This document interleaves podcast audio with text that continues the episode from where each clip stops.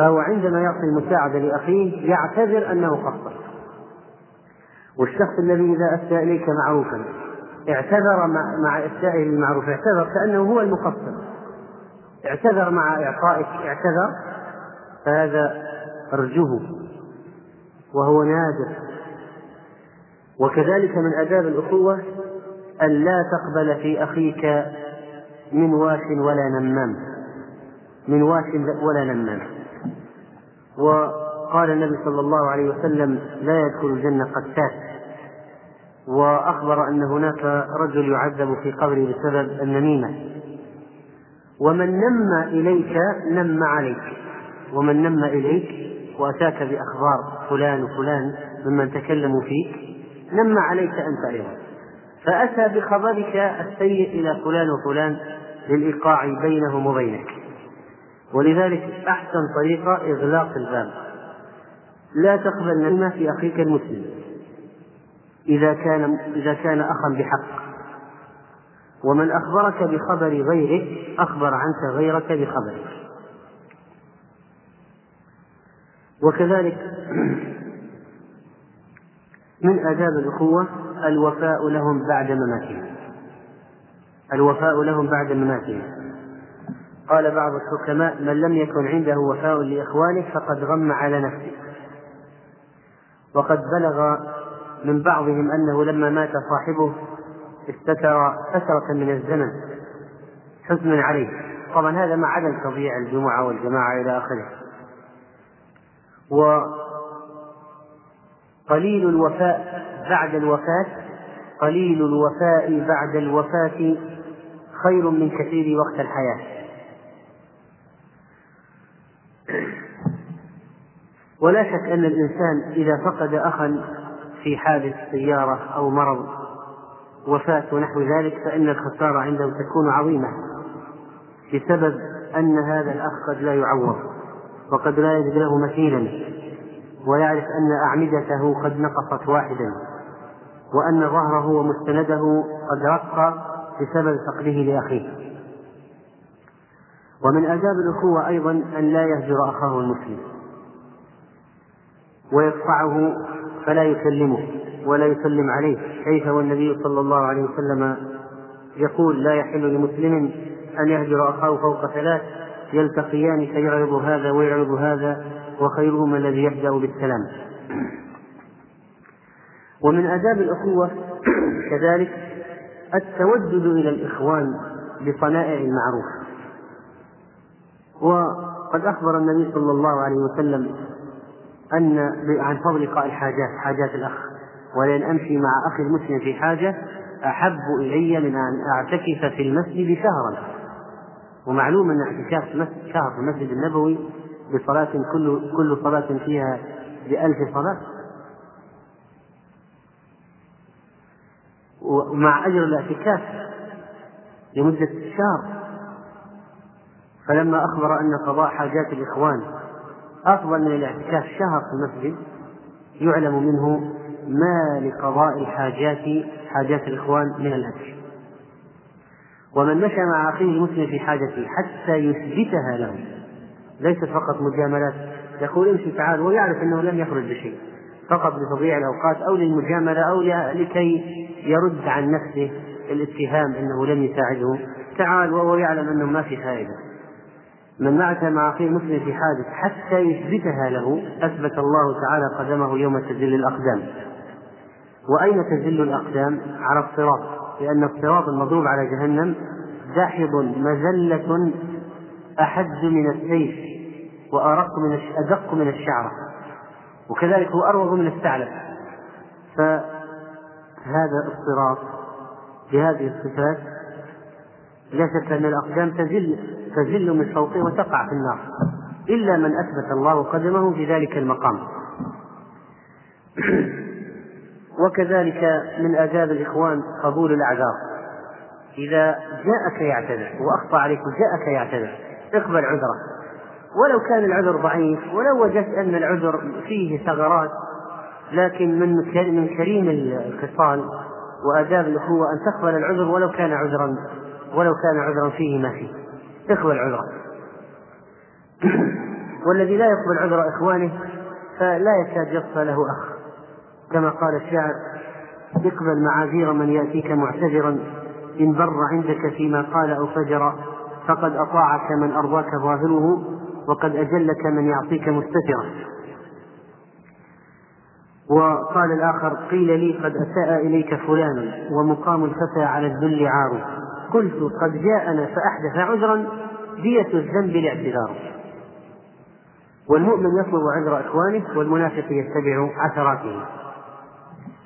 وكذلك من آداب الأخوة أن من آداب الأخوة أن لا تحتجب من إخوانك. فبعض الناس يغلق بابه ويرفض الزيارات ويرفض الصلات. ويقول يضيعون أوقات. نعم لو صارت المسألة فيها هذا مجالس فارغة وأحاديث تافهة ما فيها فوائد. نعم هذه ضياع أوقات. لكن جاءت يزورك في الله ويتذاكر معك في أمور الدين ويجعل من نفسه يجعل من هذه الزيارة ما يرق به قلبه فلا تحتجب دونه. أو جاءك يطلب مساعدة أو حاجة فلا تقل قول له غير موجود. أو تهرب من البيت قبل أن يأتي. فمن آداب الأخوة أن لا يحتجب عن إخوانه. وكذلك من آداب الإخوان زيارتهم. وهذا أدب عظيم وأمر مهم جدا. وقد أخبر النبي صلى الله عليه وسلم في الحديث أن رجلا زار أخا له في قريته فأرسل الله عز وجل على مدرجته ملكا فقال له إلى أين يا ابن عبد يا عبد الله؟ قال أزور أخا لي في القرية. فقال طبت وطاب ممشاك.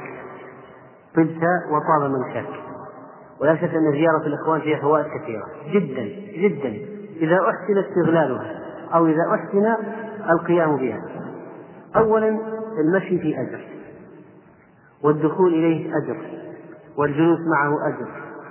الاستفادة ما يحصل من من المعلومات التي تعلمها منه. نصيحة تأخذها منه أو يأخذها منك. تجربة يعطيها إليك أو تعطيها له. وكذلك زيادة عقد المحبة والأخوة والله عز وجل أوصى بذلك. وكونوا والله سبحانه وتعالى أوصى بذلك.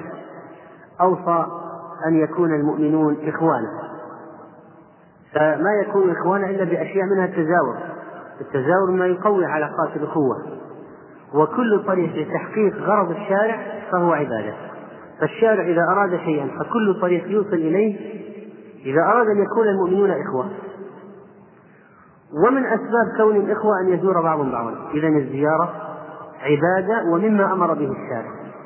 ولو ما نص عليه لأن تحقيق غرض الشارع هو من الشارع من الشرع أو تحقيق ما أمر به.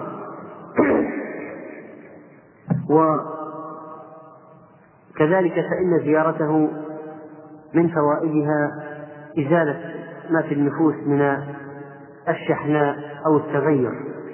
زيارة واحدة تغير أو تصفي الود تصفي ما بينك وبينه. ومن فوائد زيارة الإخوان أن تكتشف شيئا أو حاجة فتؤديها له. قال ابن قيل عن روي عن ابن مسعود كنا إذا فقدنا الأخ أتيناه فإن كان مريضا كان عيادة وإن كان مشغولا كان عونا وإن كان غير ذلك كان زيارة. وكلما كان صاحبك أبعد بيتا ومنزلا أو حتى في بلد آخر كانت الزيارة أكثر أجرا. كانت الزيارة أكثر أجرا. ومن آدابها إجابة دعوته. إذا دعاك لأن عدم الإجابة فيها إشعار بالكبر أنك متكبر عليه. أو أنك مشغول عندك ما هو أهم عندك ما هو أهم منه. ولذلك فإن زيارته فإن إجابة دعوته فيها إكرام له وإشعار بالاهتمام وأنه لما دعاك تكلفت واهتممت بإتيان بالإتيان وإجابة دعوته. وكذلك إذا وكذلك إذا زرته وصنع طعاما وأنت صائم وتكلف لك وأحسست أنه يصيبه حرج. إذا ما أكلت من طعامه فأفطر لأجله إذا كان إذا كان الإفطار إذا كان الإفطار جائزا. فصوم الفرض والقضاء والنذر كل صوم واجب لا يجوز الإفطار فيه بغير عذر من مرض مثلا أو غيره. لكن صيام النافلة إذا دعاك وتكلف لك ما في إلا أنت. لا يوجد إلا أنت. وأجبت الدعوة. لو كان آخرون لا ربما زاد الحرج. أكلوا طعامه واحد صائم يدعو ويبقى على صيامه. لكن لم لا يوجد إلا أنت ودعاك وأنت صائم. ووجدت أنه قد تكلف لك وعمل أشياء. أفطر وصم يوما مكانه أفطر من أجله ولذلك جاء في الحديث عن أبي سعيد الخدري قال صنعت لرسول الله صلى الله عليه وسلم طعاما فجاء هو وأصحابه. فلما وضع الطعام لما وضع الطعام قال رجل من القوم إني صائم. فقال رسول الله صلى الله عليه وسلم دعاكم أخوكم وتكلف لكم أفطر ثم صم يوما مكانه إن شئت. رواه البيهقي وقال الحافظ في الفتح إسناده حسن. فإذا كان أحسست أنه سيصاب بحرج أو شيء من الضيق لو تركت الأكل فأفطر. أما لو كان لا يصاب بحرج ولا ضيق فابقى على صيامك ولكن ادعو له كما جاء في الحديث. ومن آداب الأخوة كذلك مواساة الإخوان من مالك أنت. مواساتهم من مالك. إذا حصل له ضيق يحتاج إلى دين إقراض تقرضه مساعدة تساعده تشاطره كما كان الأنصار يشاطرون المهاجرين نخلهم وأموالهم. ومن آداب الأخوة الصبر على جفوة الإخوان فإنه قد يحدث منه أمر يجفوك به يفهم الخطأ يسيء الظن بك. اعتذرت إليه عن تصرف خاطئ منك وما قبل العذر.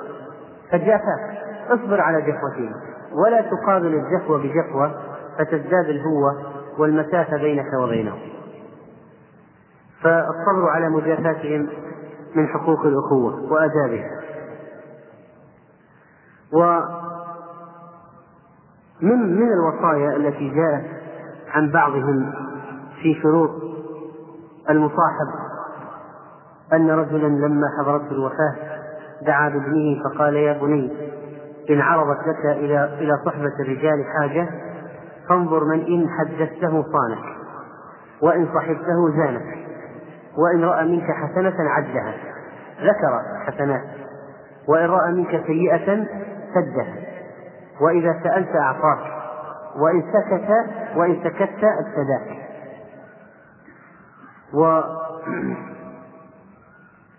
وكذلك من آداب الصحبة من آداب الصحبة أيضا أن يكرم الإنسان أهل صاحبه وأولاده فيأتيهم بالحلوى مثلا. يدخل السرور عليهم. يأتي بهدية للبيت. فإنه إذا أدخل السرور على أهل صاحبه كان ذلك من إدخال السرور على صاحبه. وكذلك من آداب من آداب الصحبة أيضا مدحهم في غير معصية الله كاجتناب المدح في الوجه المدح الذي يؤدي إلى الكبر والغرور لكن المدح على معروفه مثلا صنع لك معروفا من آداب الأخوة أن تقول له أن تقابله على المعروف بمعروف أكبر منه أو مثله وإذا لم تستطع فماذا تقول؟ جزاك الله خيرا.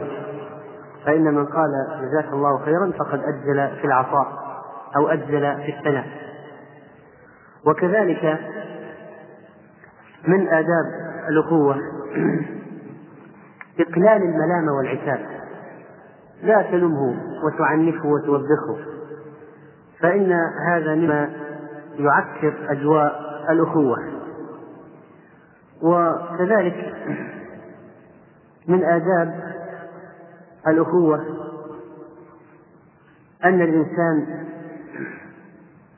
يسعى جاهدا إلى معاونة أخيه على البر والتقوى. وهذا من أهم الأشياء. فقد يكون داعية يحتاج إلى مساندة فتسانده طالب علم يحتاج إلى مذاكرة فتذاكره. وتحفظ معه. ومجالات الإعانة على البر والتقوى كثيرة جدا. ولا شك أن من أفضل ما يكون الأخ مع أخيه التعاون على البر والتقوى. مشروع لفقراء الحي أراده يساعده فيه. جاء الدروس في مسجد أو حلقة تحفيظ يقوم بها والأولاد كثر فأنت تساعده في إدارة هذه الحلقة والدرس. وتشاركه في ذلك. وقد يريد مثلا أن يعمل عمل في شيء من الدعوة ونشر العلم بتوزيع كتاب أو شريط ونحو ذلك. فالإتيان به ونسخه وتكلفته والقيام بتوزيعه أيضا من الأشياء التي من إذا ساعدته فيها ازداد ما بينك وبينه من العلاقة في الله ولله. وكذلك من آداب الأخوة أن تصون سمعك وبصرك من الكلام فيه أو سماع عيوبه أو إذا حصل شيء منه هفوة كأنها ما حصلت. يعني إمرار أخطائه ما لم تكن في الشرع طبعا. إمرار أخطائه قد يزل بكلمة.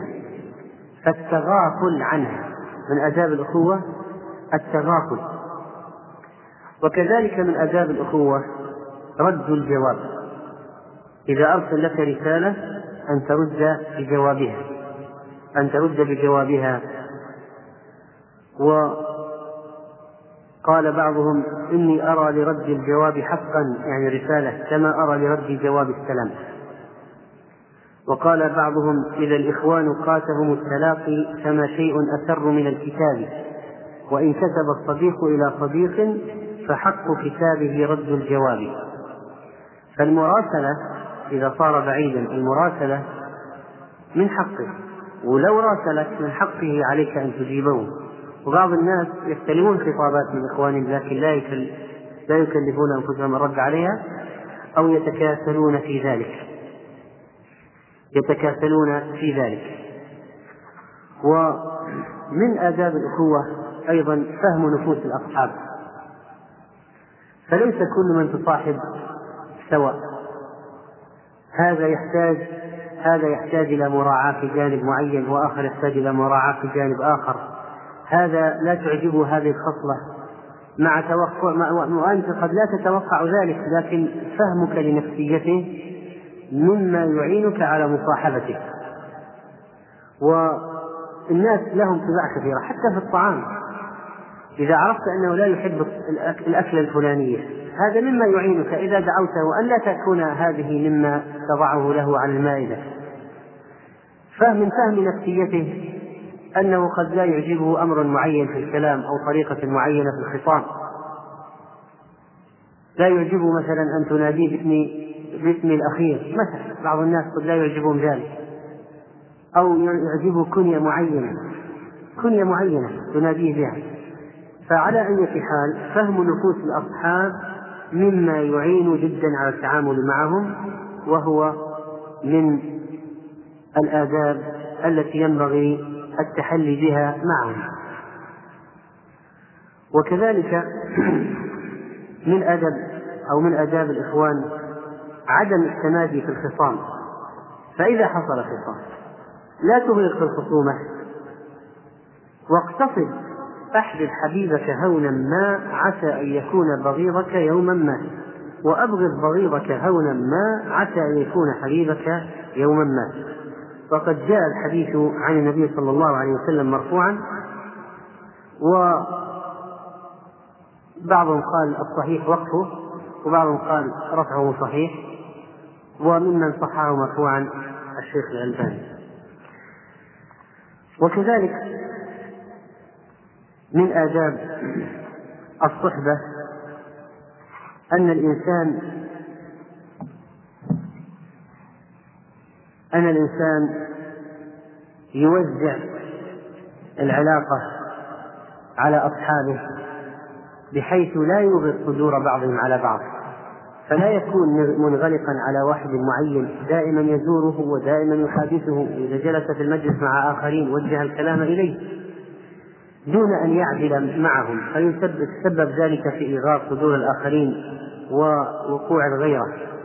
ويقول لماذا فلان يختص بفلان؟ لماذا لا يحادثنا ولا يكلمنا؟ ونحو ذلك. إذا من من الآداب آداب الصحبة أن أن يعدل في المصاحبة. ويوزع العلاقة والكلام والحديث والبر والصلة والزيارة على الجميع. نعم إن بعضهم أقرب من بعض. لكن أن يفرط بحيث يكون دائما مع واحد ويترك الآخرين البقية إلا من الأشياء العامة كإذا لقي كما لقيهم في مجلس عام أو درس عام هذه العلاقة معهم. وبقية العلاقة الخاصة دائما مع واحد معين فلا شك أن هذا ليس من العدل. خصوصا إذا كان البقية أصحاب دين وخير وصلاح. فلماذا تركتهم مع أنهم أصحاب دين وخير وصلاح؟ هذا ما تيسر ذكره من آداب الأخوة. وهنا قبل أن ندخل في الأسئلة المتعلقة بالموضوع آه، حديث طلبنا المرة الماضية معرفة صحته عن ابن عمر رضي الله عنهما قال كنا على عهد رسول الله صلى الله عليه وسلم نأكل ونحن نمشي ونشرب ونحن قيام رواه الترمذي وابن ماجه والدارمي وقال الترمذي هذا حديث حسن صحيح غريب. وقال الألباني وإسناده صحيح في المشكاة وأورده كذلك في صحيح الترمذي وفي صحيح ابن ماجه. وقال الأرناؤوط في جامع الأصول رواه الترمذي وابن ماجه وإسناده حسن. إذا الحديث يعني يدل على جواز الأكل إذا كان يمشي لكن ليس هو الأفضل الأفضل أن يجلس كما هي السنة. لكن أيضا لا يدل هذا على الأكل في السوق. لكن لو أن الإنسان أكل في بيته مثلا وهو يمشي فلا حرج في ذلك. وعموما الأكل أسهل من الشرب. الشرب ماشيا لا.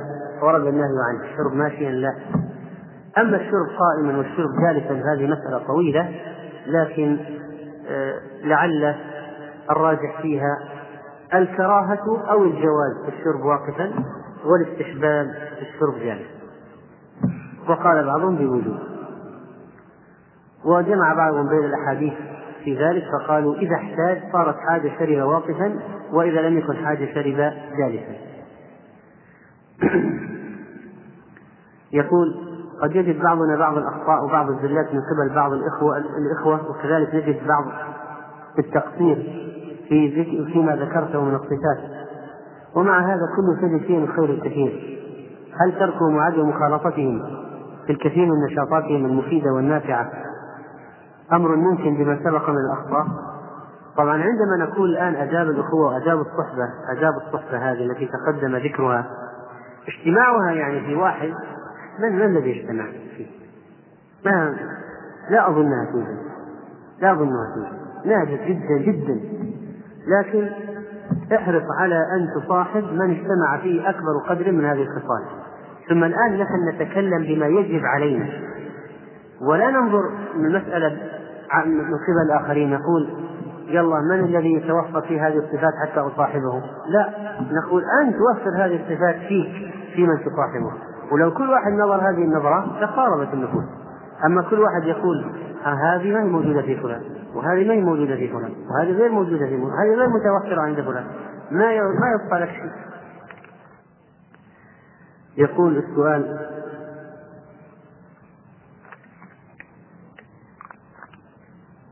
أحد الإخوان كثير الأسئلة فالجلوس معه يشبه التحقيق وكثيرا ما يقع في الغيبة أو يوقع غيره فيها بكثرة أسئلة طيب إذا انصحه هذا أولا وكله يعني أن الجلسة معك أشبه بالتحقيق وثانيا فإنه إذا سأل سؤال يترتب على الجواب غيبة ما, ما, ما أنت لست ملزم بالجواب بل, بل لا يجوز لك أن تجيب إذا كان غيبة إذا كان غيبة. يقول اننا في السكن الجامعي نضع أحيانا لافتات على الباب مثل الرجاء عدم الإزعاج ونحو ذلك حين يكون لدينا اختبار أو نكون مشغولين. فهل هذا من باب الاحتجاب على الإخوان؟ نعم هذا من باب الاحتجاب على الإخوان.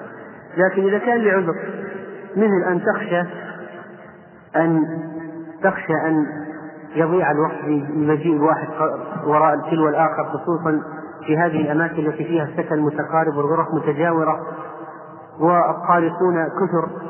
والمارون متعددون فليس من المصلحة أن يجعل الإنسان غرفته كالمجلس العام مجلس مفتوح ثم بعد ذلك يصاب بما يصاب به من الرسوب وتدني المستوى ونحو ذلك. فلا شك أن هناك أوقات للزيارة وأوقات للمجارسة لكن الذي يكون دائما مكتوب على غرفته رجاء عدم الإزعاج باستمرار فلا شك أن هذا ما يحتجب على إخوانه. وكذلك الإنسان ممكن يرد رد جميل يعني يعتذر اعتذار لبق مؤدب. أما أن يكون إذا طرق عليه الباب فتح النافذة وقال ماذا تريد؟ هات من الشباك وخذ من الشباك مع السلامة. فلا شك أن هذا النوع من التعامل يؤدي إلى جفوة ووحشة. وكذلك أن يظهر النرفزة يقول ضيعتم أوقاتي ضيعتم مستقبلي ضيعتم دراستي عملتم كذا أنتم السبب لولا. فلا شك أن هذا لا لا ينبغي. وأن الإنسان يعالج الأمر من بدايته يعالج الأمر بدايته. وينبغي على الجميع أن يعذر بعضهم بعضا في مثل هذه الأشياء. ثم أن الزيارات في أوقات الامتحانات يعني ما هي مناسبة؟ لا بد يزور من أوقات الامتحانات؟ ممكن تكون في غير أوقات الامتحانات ثم الامتحانات النهائية الكبيرة التي فيها النسب الأكبر توقف عليها النجاح والرسوب أكثر من غيرها يتشدد فيها الإنسان في شيء من العزلة لأجل المذاكرة بينما الأشياء الصغيرة والأشياء التي تأتي على مدار السنة. هذه أسمح فيها الظرف أسمح. فالمسألة إذا مسألة تقدير ظروف من الجميع. يقول إن مما نجد من وسط الشباب وحتى بعض الشباب الملتزمين صحبة شخصين فيما بينهما يزعمون أنها لله ولكن في حقيقتها ليست كذلك إنما هي لتشاكل أو استحسان أحدهما للآخر وقد تؤدي إلى أمور لا يحمد عقباها. نعم هذه مسألة وتكاد تكون كالظاهرة في كثير من الأوساط تحدث هذه القضية.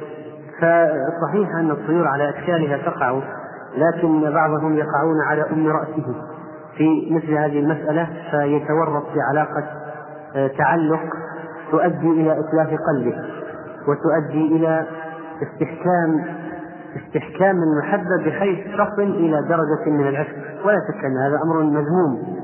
ولا ولهذا ولهذا علامات وفرقان فرق بين الحق والباطل.